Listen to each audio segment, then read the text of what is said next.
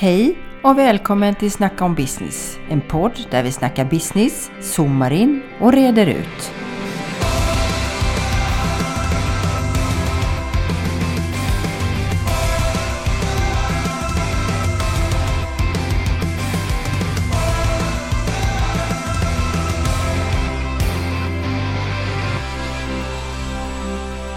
I detta avsnitt kommer jag zooma in på socialt entreprenörskap och cirkulär ekonomi. Vad innebär det och vilka faktorer behöver finnas på plats om ett företag vill göra skillnad på riktigt i sin ambition att skapa en bättre värld? Jag gör givetvis inte detta själv, utan idag har jag förmånen att ha med mig ingen mindre än Rebu Barubva.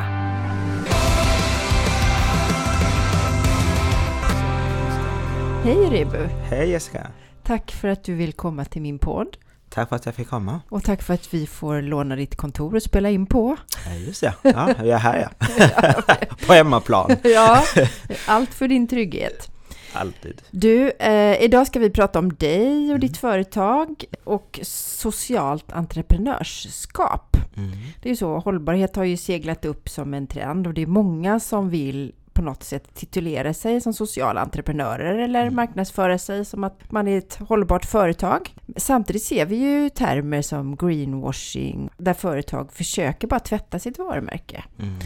Och jag är väldigt nyfiken på kopplingen mellan hållbarhet och socialt entreprenörskap. Mm. Eh, och också vad du tycker är viktiga faktorer för att man ska vara en social entreprenör mm. och så vidare. Mm. Och vi får väl se vart det tar oss. Men mm. jag har ett frågebatteri här. Men mm. jag brukar inleda med frågan, vad är business för dig? Och det är kopplat till att den här podden heter Snacka om business. Mm. Ja, precis. Ja, men det är en jätteintressant fråga. Alltså, business för mig är ju där jag får Alltså inkludera fler människor. Där det, jag gör någonting som, gillar, alltså, som gynnar eh, alla och inte bara mig själv. Det är business för mig. Just det, så när det gynnar flera människor och inte bara dig själv. Precis. Det låter väl som en bra förklaring om man är social entreprenör kanske? Ja, social entreprenör ja. eller värder, värderingsstyrd entreprenör. Ja, värderingsstyrd entreprenör. Ja. Du är ju strax över 30. Mm. Du flyttade till Sverige för, vad är det, 10 år sedan? Ja, jag vet inte, det, 14, 14 år sedan nu. Eh, 2007, januari 2007. Du började din karriär och jobbade ett tag på telekomföretaget Telenor som teamledare. Det stämmer, ja. Och valde då att faktiskt först ta tjänstledigt och sen säga upp dig för att satsa på din drömme. Mm. Sen har du fått barn på vägen och du och din flickvän Stephanie gör det här verkligen. Det Jag tycker du är urhäftig. Vad kul att höra. Ja. Tack så jättemycket. Det ska bli kul att prata mer med dig. Mm. Så jag tänker vi kör igång. Som jag sa så har ju, du har ju startat och driver företaget Ruttasuka, mm. säger man så? Det mm. mm. Som betyder gemenskap. Det betyder gemenskap. Mm. Ah, mm. bra. Då vet vi det. Vill du berätta lite grann om vad ni gör? Ja, eh, det vi gör är att eh, vi importerar ekologisk och etisk eh, certifierat kaffe från Kongo och, och rostar det här i Göteborg i Sverige. Och så Dispio så jobbar vi då mot eh, tre segment där vi finns i dagligvaruhandel, Horeca, det är alltså hotell, restaurang, kaféer och eh, arbetsplatser. Så har vi också då, eh, vi jobbar mot, som vi kallar vi en, en eh, cirkulär affärsmodell där vi återinvesterar eh, en del av eh, vår omsättning tillbaka eh, till att eh, inom jordbruk, hälsovård och eh, utbildning där kaffet odlas i Kongo. Ah, Okej, okay. så ni driver, du driver ett kaffeföretag där du säljer kaffe. Mm. Det har mm. man ju sett i butikerna. Jag mm. har... har du druckit det? ja, det är klart att jag har. ja, det är klart jag har. Ja, ja. ja, flera gånger, absolut. Jag tycker mm. det är helt fantastiskt. Det är väldigt, väldigt gott. Men vad var det som gjorde att ni valde just kaffe som produkt? Ja, alltså det var ju så att det var 2016 när vi åkte ner för att besöka kliniken. Och eh, och så fick jag också träffa då jordbruksministern ehm, eh, som berättade då om de utmaningarna som eh, Kongo gått igenom. Eh, både mineralkonflikter, alltså mineral och maktkonflikter som hade påverkat landet väldigt eh, negativt eh, och som också drabbade eh, kaffeodlingar och eh, kaffemakarna i Kongo. Eh, som gjorde då att många människor som försörjde sig eh, just på kaffet kunde inte göra det. För att det är ingen köpare som vågade komma in i landet för att kunna köpa kaffet.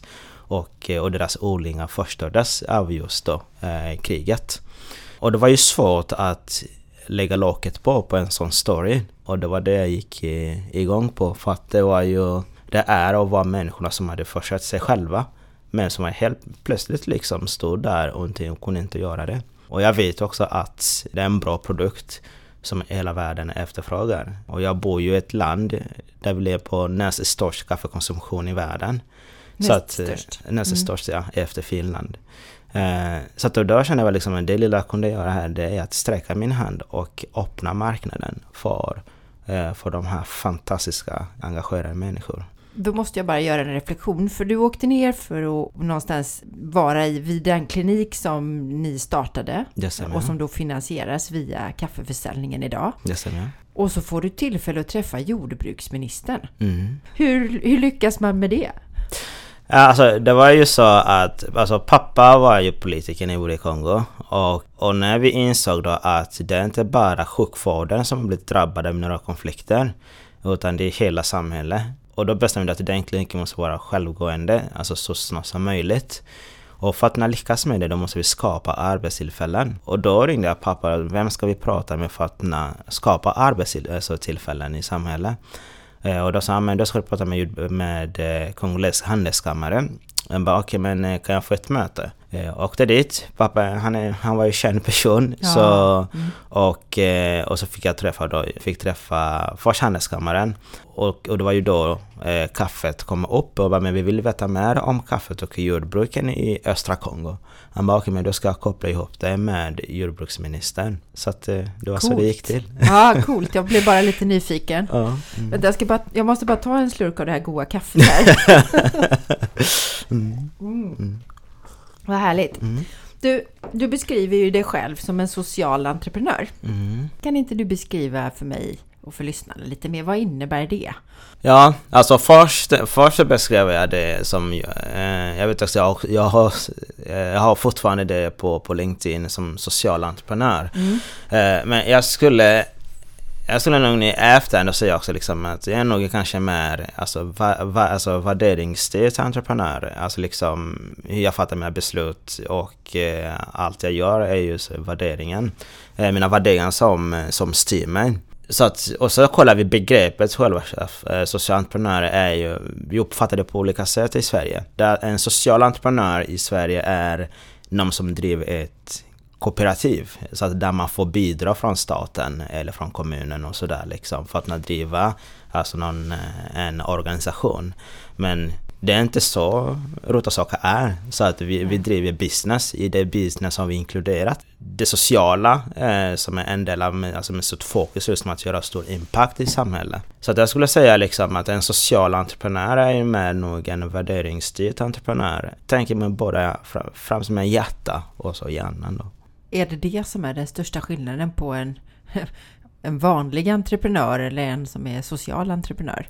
Ja, alltså både ja och nej. Men mer är ju att vissa saker man inte kan kompromissa för att man är så bestämd i sina värderingar på hur man ska driva business. Och sen jämför med liksom att, alltså sen finns det andra entreprenörer där liksom att ja, man gör allting för att kunna göra affär. Men det gör inte jag, utan det är väldigt noggranna med vilka jag gör affärer med. Alltså vilka samarbetspartner jag jobbar med, vilka människor det är om, alltså, som jag har omkring mig. Jag är alltså, väldigt selektiv. Du, du tar ansvar för hela kedjan ja. i hela ditt, så att alla lever i dina värderingar. Detaljerna. Ja, det är ju viktigt. Mm. Jag har ju i tidigare poddar refererat och diskuterat FNs globala hållbarhetsmål. Är det något som ni tar fasta på? Eh, både ja och nej, kanske indirekt. Men det är ingenting som vi går på alltså, här på kontoret och tänker bara ja ah, men eh, nu, här är de här målen 1, 2, 3. Vi behöver inte det. Vi har ju byggt bolag från grunden kring att vi ska göra impact. Och så har vi byggt bolaget och utvecklat bolaget alltså utifrån den visionen, utifrån den här missionen som vi har haft ifrån eh, från början.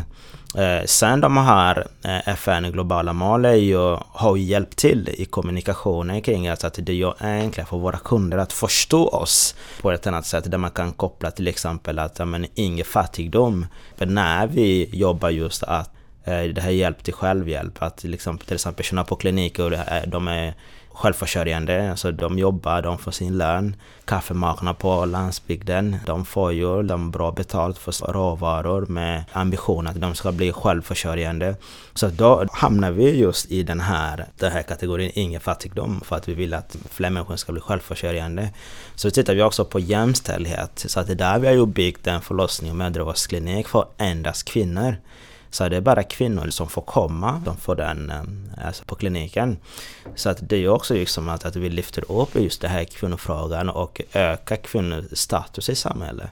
Så sen har vi ju det med samarbete för att vi kan inte bekämpa fattigdom ensamma, att vi blir fler. Det är vårt arbetssätt och så är det med det arbetssättet, med de som vi gör varje dag, så passar det in dem då i de här som man brukar kalla block som FN har tagit fram då. Ja, precis. Jag tolkar det som att ni har gjort det redan från början utan mm. att känna till de här FNs hållbarhetsmål eller ha det som ett fokus. Precis. Sen kan man jacka i allt det ni gör. Ja. Men det är inte så att ni satt upp den här på väggen och säger att nu ska vi nå de här, hjälpa till att nå de här målen. Nej. Det är omvänt. Precis. Mm. Mm. Det är på riktigt. För att reda ut begreppet, du var lite inne på det, det här med social entreprenör och vad det var och att du är mer värderingsstyrd. Men jag vill ändå någonstans ställa frågan. För om jag tolkar dig rätt så finns det då ingen koppling mellan hållbarhet och socialt entreprenörskap? Nej, inte direkt. Utan att alltså, hållbarhet handlar om egentligen att någonting ska vara länge. Och, och då blir det så att när man, eller man driver ett företag så de frågar man sig liksom att okej, okay, hur ska det här hålla länge? Så då, då hamnar man i just det här att man måste tänka på i varenda detalj i hela värdekedjan. Så att då hamnar man just det då, alltså hållbarhet. Så att det går ju hand i hand. Eh, så att den ena utesluter inte den, eh, den andra. Utan alltså det som är viktigt där då det är att att man, alltså man är stenhård och väldigt bestämd i, i värderingen. Det här ska vi absolut inte kompromissa på för att det här är jätteviktigt om vi ska överleva. Och där kommer in det sociala, det kommer det ekonomiska, det kommer de miljömässiga.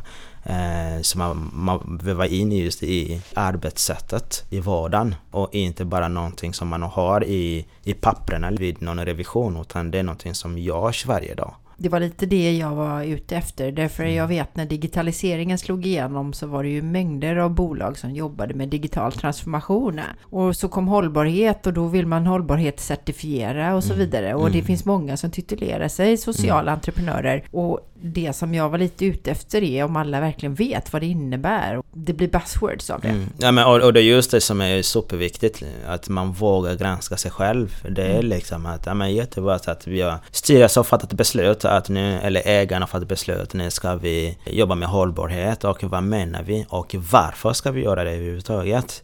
För det är ju där, så att om ägaren inte vet varför ska vi göra det, så då blir det svårt att någon som sitter på golvet, alltså med längst ner i hierarkin, att förstå varför ska vi göra det här? Så till slut då blir det liksom att massa fina texter på hemsidan eller i någon PR och sen när man träffar verksamheten så får man en helt annan bild. Det är bara för att det är någonting man bara har gjort, som du var inne på, alltså greenwashing. Ja. Hur, eh, du kan väl kanske utgå från din egen affärsmodell när du beskriver. Hur ser en affärsmodell ut i ett socialt entreprenörskap? När du å ena sidan finansierar en verksamhet mm. genom att driva en annan. Eh, alltså det är någonting som, då är vi där igen på alltså hållbarheten eh, mm. som alla pratar om. Och då blir det, okej, okay, vad är det som behövs göras Eh, alltså vad är våran alltså core business, vad är som är viktigt för verksamheten, vad är, vad är våran kundlöften? Och då bygger man verksamheten utifrån det. Så att alltså det här whyet, alltså varför finns företaget? Vad är våran roll på marknaden? Och det sa vi ju med Rotasocka då. Det är liksom att jo, Anledningen för att vi bara jobbar med kaffet, det var just för att skapa arbetstillfällen så att människor skulle bli självförsörjande. Och jo, men de här människorna, det, det behövs mer för att, för att det här ska leva länge. Så det handlar inte bara om att åka till Kongo och köpa kaffe och så liksom bara sälja.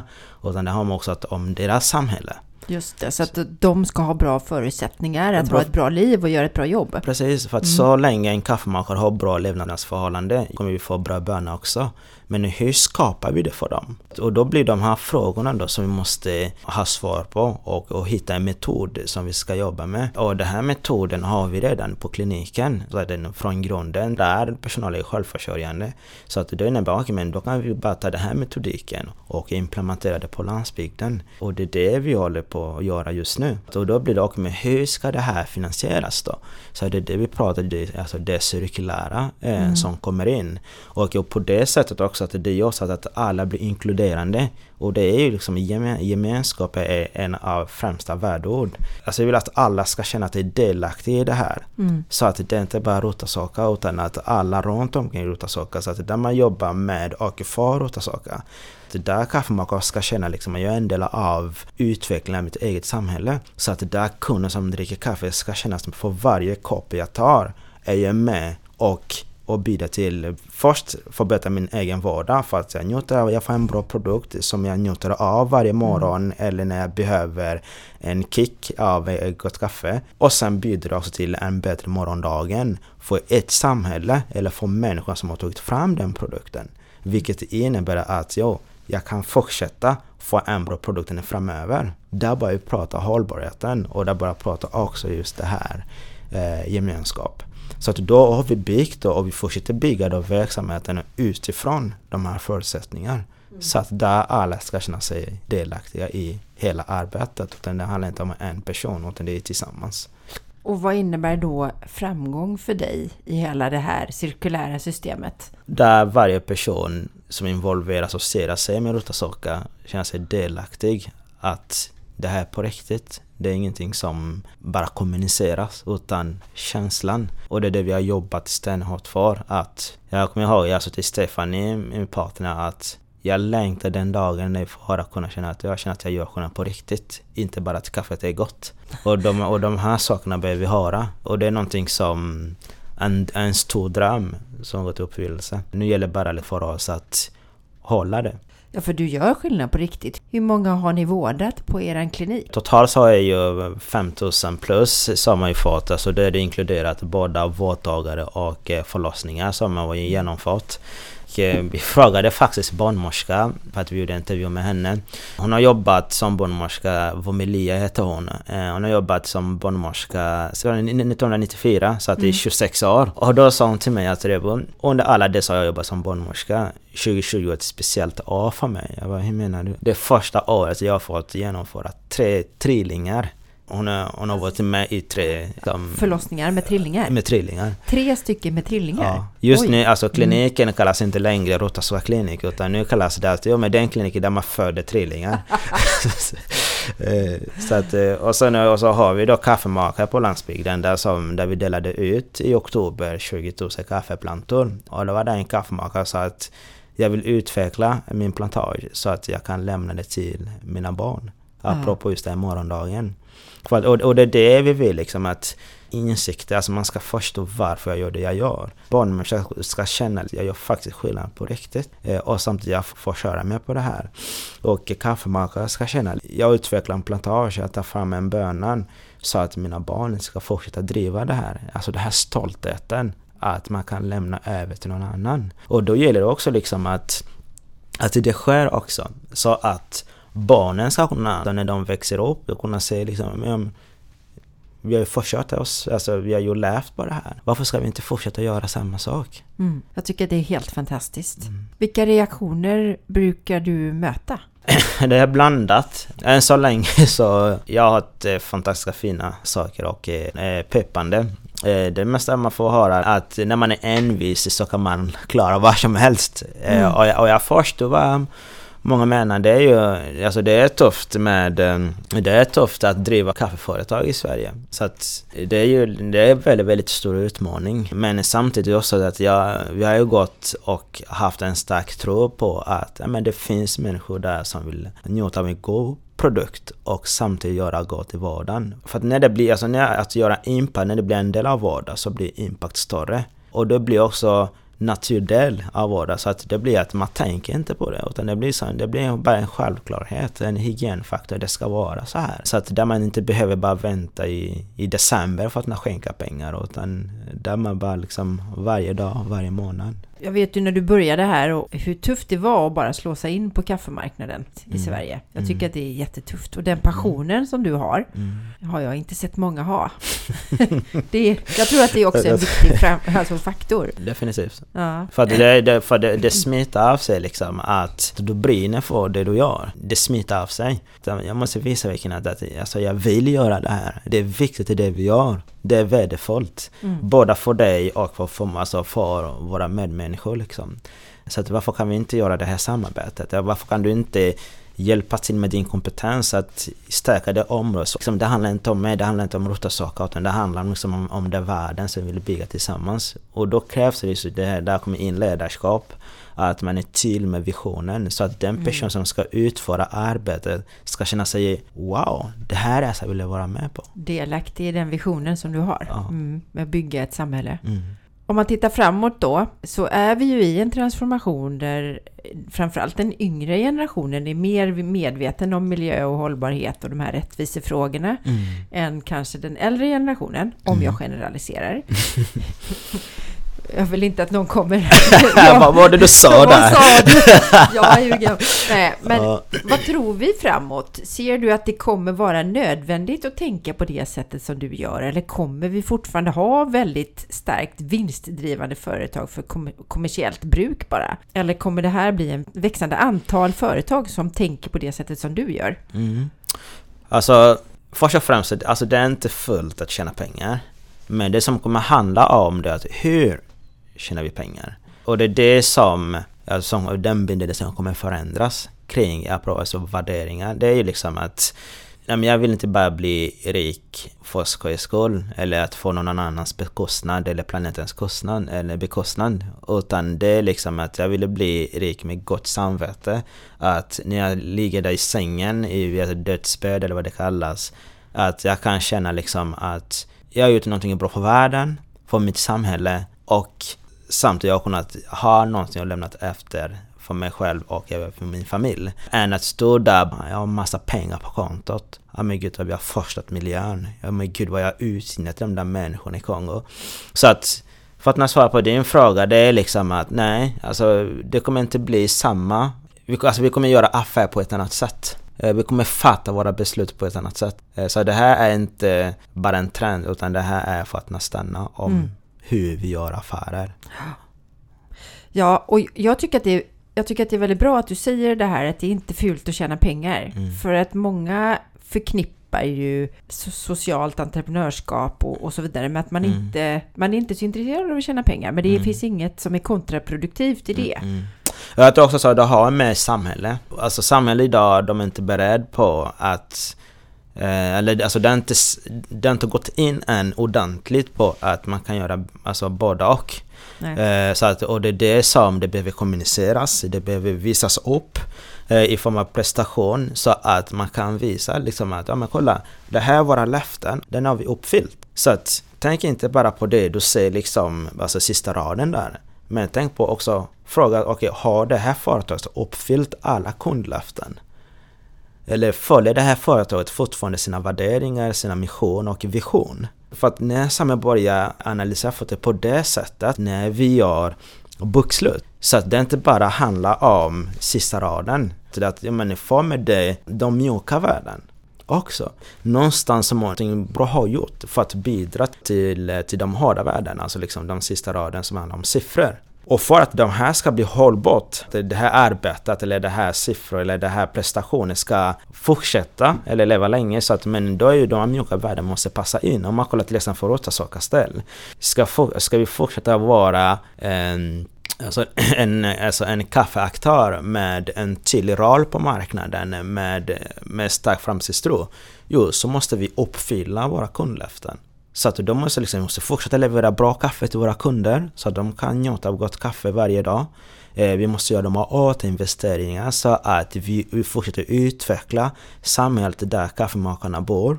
Så att mm. de ska ha bra alltså förutsättningar att först göra ett bra arbete. Så att vi måste också ha en, en god ekonomi i verksamheten så att vi ska kunna täcka våra omkostnader och kunna ja. vet, rekrytera in kompetenta medarbetare. Det, det, alltså det är ju helheten. Mm, precis, jo, jag förstår det. Och, för att orka driva allt det här så måste man ju tjäna pengar. Då måste man tjäna pengar. Ja, så att, och, det, och det är det som är viktigt då också att konsumenterna då, eh, och eller intressant, förstår det här att okej, okay, för att det här företaget ska överleva, de måste tjäna pengar för att allt det här, missionen och allt som ska göras behöver göras. Då behöver i grund och botten finnas en, eh, en ekonomi. En god eh, ekonomi, ja, resurser. Om man tittar på samhällets uppbyggnad och traditionella affärer så ser ju mm. de inte riktigt ut så. Upplever du att vi har hängt med i samhället och anpassar våra lagar och regler efter det som kommer nu med cirkulär ekonomi och så vidare? Mm. Eller finns det någonting som samhället kan göra, och med det menar jag politiken snarare, för att underlätta för att driva den här typen av företag? Det finns absolut mycket som kan göras. Eh, och sen så förstår jag också att saker och ting idag går väldigt, väldigt snabbt. Mm. Eh, att politikerna inte, inte hänger med. Och det är en utmaning i den här digitala världen. Det är till exempel att det har utvecklats massa teknik som, som har gjort att transparensen har blivit, till exempel med Rotasocker där vi har ju kopplat en blockchain teknik så att man kan spara produkten tillbaka till kaffemakare. Men ändå fråga våra kunder liksom, är ett kaffe Fairtrade-certifierat? Eh, eller till exempel om vi ska gå in i någon offentlig upphandling. Ja men då kräver anbud att vi måste ha de här certifieringarna. Men fast här, alltså, vi är väldigt transparenta med vårt arbetssätt. Varför behöv, behövs igen de här certifieringarna så det blir kaka på kaka? Nej, ni måste ha. Så, att, så det är de här bitarna liksom som det finns förbättringar för att låta eller få in de här uppstickare att få vara med jag vet inte om jag är ute och cyklar nu, men det låter lite som att man behöver stärka kompetensen om vad, vad innebär Fairtrade och på vilket sätt behöver man jobba för att uppnå det och sen om man mm. är certifierad eller inte. Det kan man fullfölja. Det är lite som kollektivavtal. Tänker jag rätt eller fel? Ja men det är samma med kollektivavtal. Ja. Alltså du kan ha bra, eh, vad heter det, hur säger man? Förutsättningar? Eh, eller för, förutsättningar ja. för medarbetare. Ja. Alla, alltså om man kollar som oss, men skulle vi anställa idag? Nej men då har vi alla förutsättningar liksom mm. så att våra, för det är någonting som det sociala hållbarhet, det är någonting som, det är människan i första rummet. Mm. Och då så vi, alltså, vi gör allt vi kan för att, för att vi vet att medarbetare behöver en bra lön, behöver ha bra arbetsvillkor för att man presterar. Och så kommer, kommer alltid någon som, ja, har ni kollektivavtal? Men vad ska vi ha med den till när vi redan, våra värderingar är just det kollektivavtal säger att det, det ska vara. Det är de här bitarna som, att, som behöver, jag hoppas att det kommer förbättras. Sen hur det ska göras så hoppas jag att någon kommer komma på en bättre alltså en bättre lösning. Då. Det, det är någonting mm. som eh, politikerna och, och näringsliv som behöver se över. För att kollektivt avtal finns där av någon anledning. Mm. Eh, det finns någon, något företag eller framför som har missbrukat arbetsresurser. Fairtrade eh, certifikat, den finns där av någon anledning. Men Frågan sig bör ställa det är liksom att är det verkligen så idag? Alltså är det alla producenter eller företag som utnyttjar de producenter i utvecklingsländer? Är det alla företag som utnyttjar arbetskraft i, liksom på arbets, alltså med dåliga arbetsvillkor och sådär? Så att, ja, så det, det, det, är mycket där. Ja, jag, jag tänker samtidigt när du pratar. Man borde istället för att ha eh, eh, två checkboxar mm. Fairtrade och kollektivavtal så behöver mm. man ha fler checkboxar ja. för att se vad man uppfyller. Ja. Mm. Det väl ganska konkret faktiskt. Ja. Fler checkboxar. Om man tittar på det här där du vågade kasta dig ut och satsa på din dröm. Du lämnade ändå en fast tjänst mm. på ett stort välkänt företag. Och så vet jag att ni har kämpat otroligt under några år för att mm. komma dit ni är idag. Mm. Vilka nyckelfaktorer skulle du säga ändå har varit avgörande för att ni har tagit er hit? Tron på mig själv, på visionen och på människor runt omkring oss. Mm. Vad har varit roligast då? Att klara alla utmaningar. Mm -hmm. Okej. Okay. eh, nej men det är ju... Det, det, Fyra! ja, nej men det, det, är så att det är det som mm, företaget, alltså, jag vet när man skriver affärsplan och allting, alltid låter liksom, och man sätter de där första eh, budgeten, man bara, gud vad kul, man får den där kicken, den där adrenalinet, mm. entusiasmen och allting. Och så börjar man resa liksom. Det är ungefär som att vad ska jag säga, ja, jag kan jag kan relatera till det för att jag precis blivit pappa. Då ungefär mm. att man, när man fick när Stefan kommer med vi ska bli föräldrar. Den där känslan, den där kicken. Mm, tills idag att första veckan liksom barnet ligger där liksom. Jaha, är det så här är det att bli förälder? så, och, och, och företaget är samma sak. Det är liksom eh, man ska göra affärsplan, man skickar in alla under till, skatt, till Bolagsverket och mm. allting. Och så, första kunden ska in. Andra kunden, tredje kunden. Mm. Ja, och så kommer klagomål där och så kommer... Men för oss det har varit, ja men saker och ting alltså ska funka, få saker och mm. ting på plats. Och det är ju, den är en rolig utmaning. Väldigt, väldigt lärorikt. Alltså det vi har lärt oss på, på resan, det går inte att beskriva, det är helt ovärderligt. Det är en sån kunskap, kompetens, erfarenheten som det går inte att beskriva. Nej, eh, men, det. men som, som, som det, har varit, det har varit roligt, smärtsamt, vi har gråtit. Det är svårt att säga att det här var roligast utan det var liksom fall till fall. Det kan vara till exempel att en kund man har jagat länge och äntligen får den där affären och då får man den där varenda Gud jag fick den där affären! Fan Damn, vad kul! Ja, Gud shit, aha, oj har vi passerat en miljon omsättning? Och sen är det bara Gud, har vi hjälpt så många på förlossningskliniken? Alltså shit, har vi importerat så mycket kaffe? Man blir själv chockad. Och då krävs det här tro på processen. Det må ta lång tid, men så länge du tror på processen så det är något man känner av.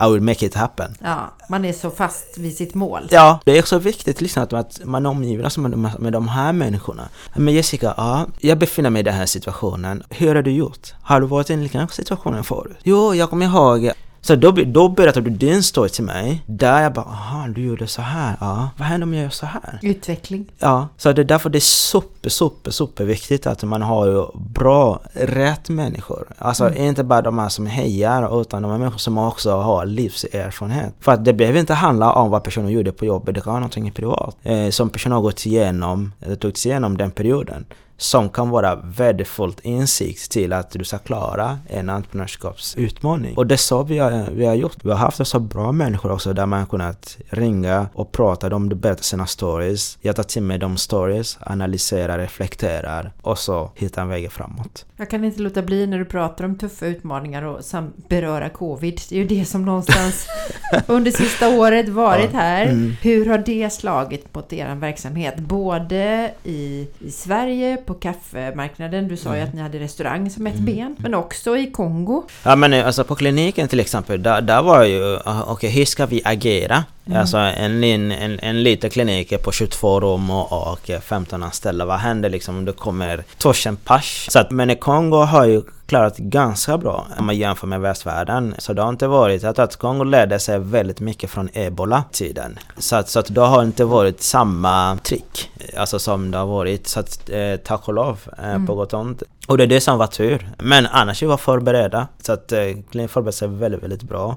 Eh, vi hade alla utrustningar, vi hade det som behövdes. Rutiner och så Rutiner och mm. allting. Eh, så vi var förberedda. Och hittills vi har fortfarande förberedda för att det är aldrig säkert. Men på landsnivå så de tacklade väldigt bra. Till mm. exempel att Ovira där vi har kliniken, alltså den eh, gränsar till Eh, till Bujumbura. Så det är ungefär som eh, Malmö och Köpenhamn. Så, att, så att det, man, det man gjorde då, att, som är Bujumbura då i det fallet, och stängde gränsen. Och Kongo och Vira som är Sverige och Malmö stängde så gränsen. Så att ingen som fick komma, alltså gå ut eller komma in. Och det är sådana saker, åtgärder som de lärde sig från ebola. Så de var snabba att göra de var det. snabba och mm. stänga och inte gjorde det för sent. Sen kommer då nästa utmaning då, det var ju klimatkrisen.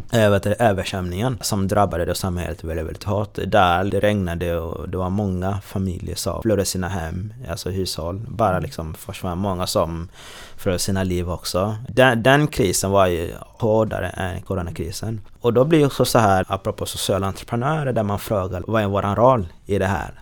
Vi vet att hjälporganisationer har gjort sitt. Staten har gjort det de skulle göra. Men är det tillräckligt? Nej. Och som entreprenör så måste vi hitta lösning på samhällsutmaning och det är därför vi finns. Det är vår roll. Det är vårt varför för att vi ska finnas där. Så att, och då bestämmer vi då att erbjuda fri förlossning och förloss, eh, fri förlossning och förlossningsvård och barn, eh, barnvård. Mm. Eh, för att det var ju så att för det var ju många familjer som, som blev av med sina hus. Så då gick de in i vet skolor så att de skulle ha någonstans att sova. För att ja. alltså, vi pratar om 50 plus familjer i en väldigt liten kvadratmeter. Så man bara så tränga sig in. Och då, och då sa jag till kliniken, men gå till, alltså vi, vi sa till platschefen, gå till radio, kommunicera väldigt tydligt att alla är välkomna att få vård på, på kliniken. Och, och de som absolut är i största faran, det är ju barn mm. och gravida kvinnor. Och där kände jag att det här måste vi göra något akut. Och det gjorde vi. Ja men det var, det var, det var, där, det var där vi kände liksom att vi gör skillnad på riktigt. Mm. Fantastiskt. Alltså vi, vi är där precis när samhället behöver oss. Men vi hade inte gjort det om vi, om vi, vi hade inte pengar i stiftelsen. För att det är de här pengarna som vi flyttar över från kaffeförsäljningen som är stiftelsen som gjorde att vi kunde tackla de här akuta, akuta fall som skedde då i, i Kongo. Och då, var, då kände jag också att, att vi uppfyllde våran... Det är då det blir på riktigt. Ja. Mm. Och tittar man då på det som fyller på i påsen, det vill säga kaffeförsäljningen. Mm. Nu är ni, har ju varit i tillväxt. Hur har det sett ut kopplat till covid? Har ni på svenska sidan blivit drabbade eller har det gagnat er att folk köper mer kaffe? Oj, nu nästa månad är ju exakt ett år. Ja, det är det, det. det. Ja, det är svårt att ta i. Eh, nej men alltså det, det var tufft. Kommer jag ihåg i mars. Det var liksom att man uppdaterar ordermail. Mm. Vad händer? Kom ingenting? Ingenting. Nej. Man ringer till kunden till våra samarbetspartner. Nej, det, det hände ingenting. Vi fattar inte heller. Jag bara, shit. Man brukar säga så här att en akademiker löser problem genom att man, man tittar tillbaka, alltså det man lärde sig i skolan och försöker implementera mm. liksom. Och för mig det handlar det om livserfarenhet. Mm. Där man tittar tillbaka, vilka utmaningar jag har klarat. Och, och vad är för utmaningar jag befinner mig i. Jag kommer ihåg, jag satt i bilen på väg till butik, det var Kungsbacka. Och helt plötsligt bara av rädslan så började jag gråta direkt. Jag bara shit, shit. Rotasodare ska gå i konkurs om vi inte hittar lösning på det här. För det var ju totalt ja, ja, eh, visst, stopp. Så ringde jag mamma av någon konstellation, jag vet inte varför jag ringer alltid henne. Men det är en sån, en trygghet. Ehm, då, då ringde jag och jag är rädd. Jag är väldigt, väldigt rädd. Ja men du, du läser om covid, ja. Det påverkar oss. Vi, vi, får inga, vi får inga ordrar, det händer ingenting. Och då berättade han eh, en historia där ehm, um, 2002 när, när hon blev misshandlad. Och uh, hon var nära Men det hon gjorde efter en vecka på sjukhus så sa hon till familjen att vi kan inte bo kvar i Kongo, vi måste lämna Kongo. Familjen bara, fast du mår inte bra. Jag måste skydda mina barn. Jag vet de här människorna som kommer hit för att döda mig. När de får höra att jag har överlevt, de kommer komma tillbaka. Och jag måste skydda mina barn så flydde vi till Tanzania. Och när vi flydde till Tanzania, man ser liksom hur man kämpar verkligen. Och jag kommer ihåg när vi var då i flyktingkamp i Tanzania så sa hon till oss att så länge vi kan andas så ska vi inte sluta kämpa. Och det jag gjorde det efter samtalet kom tillbaka och tittade, vad ska vi göra nu? Vi bestämde då att, att inte lyssna på någon nyhet som handlar om covid. Bara det ökar bara vad heter det, panik. Alla rapporter som handlar om covid, vi läste inte om det.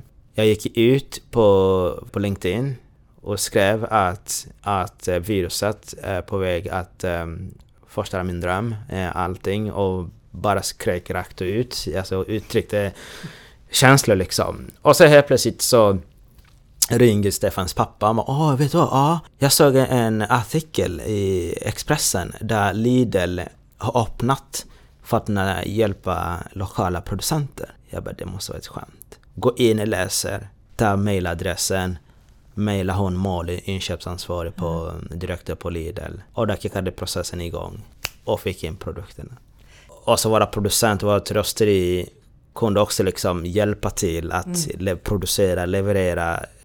Ja, alltså när jag, när jag tänker tillbaka på den tiden jag skulle säga alltså, det, det är, alltså vi klarar, alltså vi klarar den, den perioden av livserfarenhet, en vishet, Sen också såklart också människorna runt omkring. Att ingenting är omöjligt.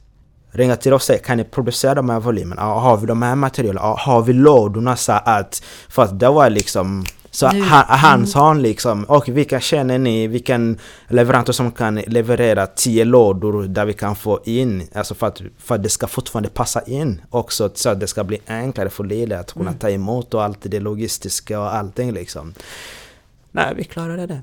Och sen är det ju att, alltså tack vare också då Alltså de här adrarna under samma vevande var då det, det här översvämningarna skedde i Kongo.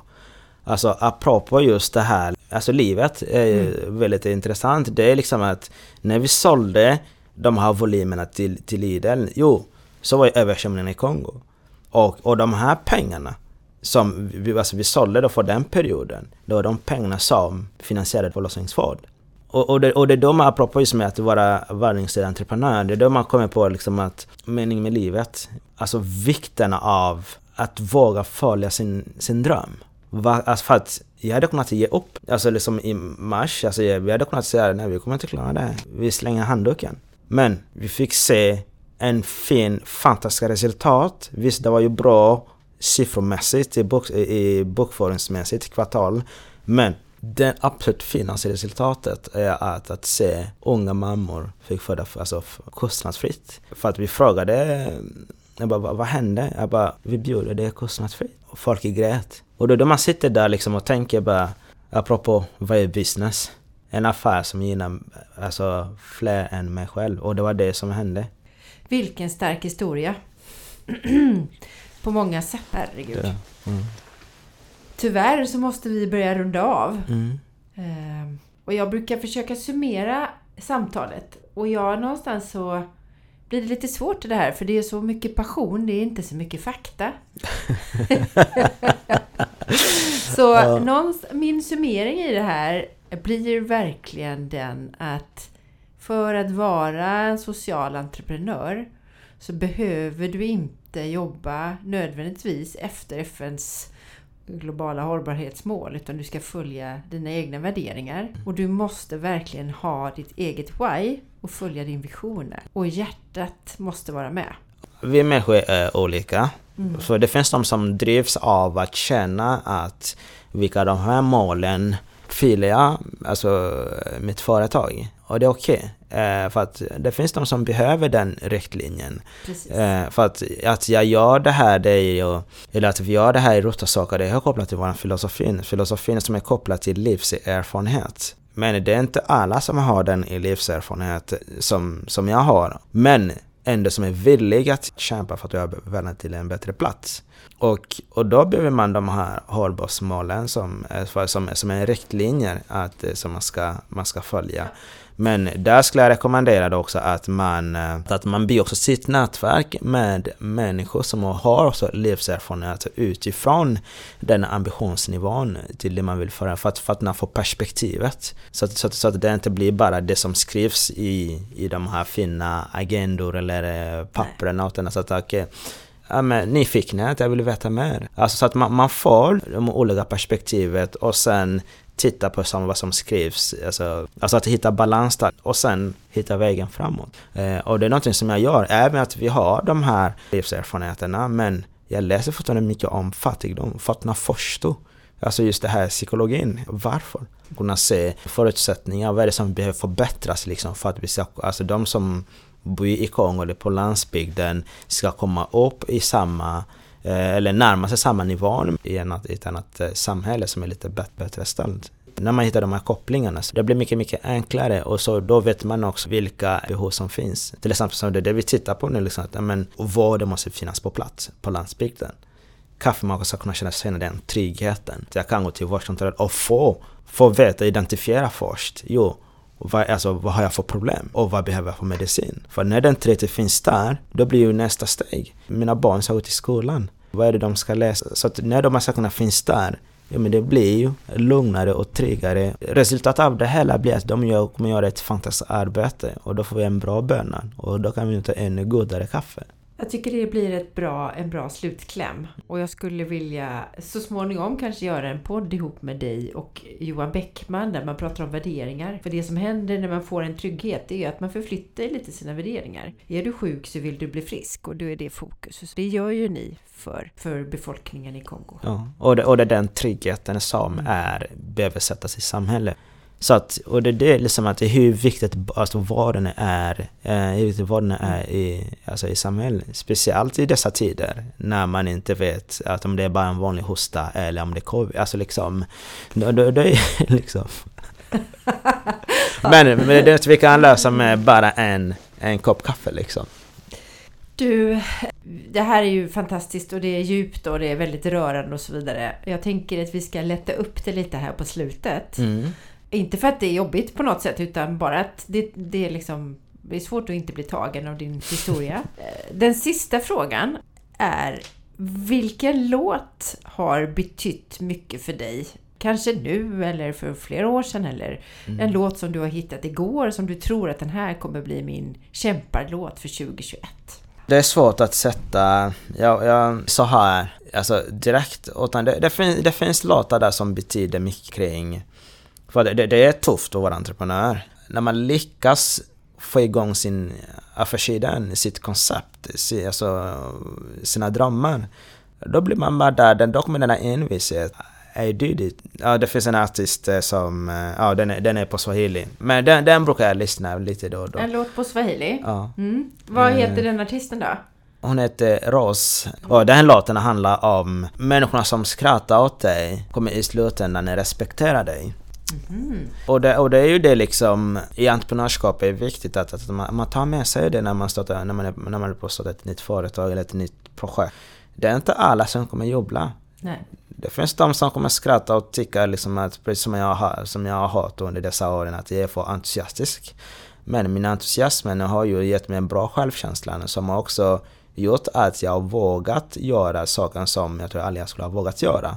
Tack vare min entusiasm. Men och det är viktigast att få det där att, att, att tro på, på sig själv, magkänslan och allting. Och att få, ha den tron på, på processen. Och, och när, när jag lyssnar på den låten, det blir det här liksom, jag tänker tillbaka, nej men det är inte alla som trodde att vi skulle lyckas få igång kongolesisk kaffe på marknaden för att det, var, för det har varit obefintligt alla dessa år. Men Nu är du här. nu är, det här, när vi är här och vi gör det, då, då brukar jag lyssna på de här låtarna. Vad heter... Artisten heter Rose. Eh, Rosa, Ros. eh, rosa som är blomma. Som Eh, är ros. blomma. Ja. Mm. Ja. Rosa som är blomma. Och låten heter... Ja, men jag kan skicka den eh, till dig. Men den är på swahili som sagt. Den är på swahili. Ja, det finns också lyrics, säger man så? Så att man kan, Lyrics, ja. Ja, man så att kan man översätta. man kan översätta. Ja. Då kan vi göra så här att jag publicerar en översatt text på eh, snackombusiness.se Mm. Och så avvaktar vi då med att se vad den här låten heter. Vi väntar Mm. med spänning. Hoppas att eh, lyssnarna kommer tycka... Hoppas att den ja, smakar. Precis, att det smakar som eh, kaffet. Nej, men, Ja. och så sist så vill jag skicka bara till dem som... Eh, och här handlar det egentligen inte om... Eh, ja, alltså entreprenörer, det är ju... Stå fast vid eh, värderingarna. De är ju otroligt viktiga. Ju tydligare värderingar du har, desto bättre människor kommer komma till dig och vill jobba med dig och vill vara med dig. Karma. Stort tack för Tack. de slutorden. Tack för att jag fick vara med. Superintressant. Kul att höra. Hej då! Tackar. Hejdå. Wanaokudharau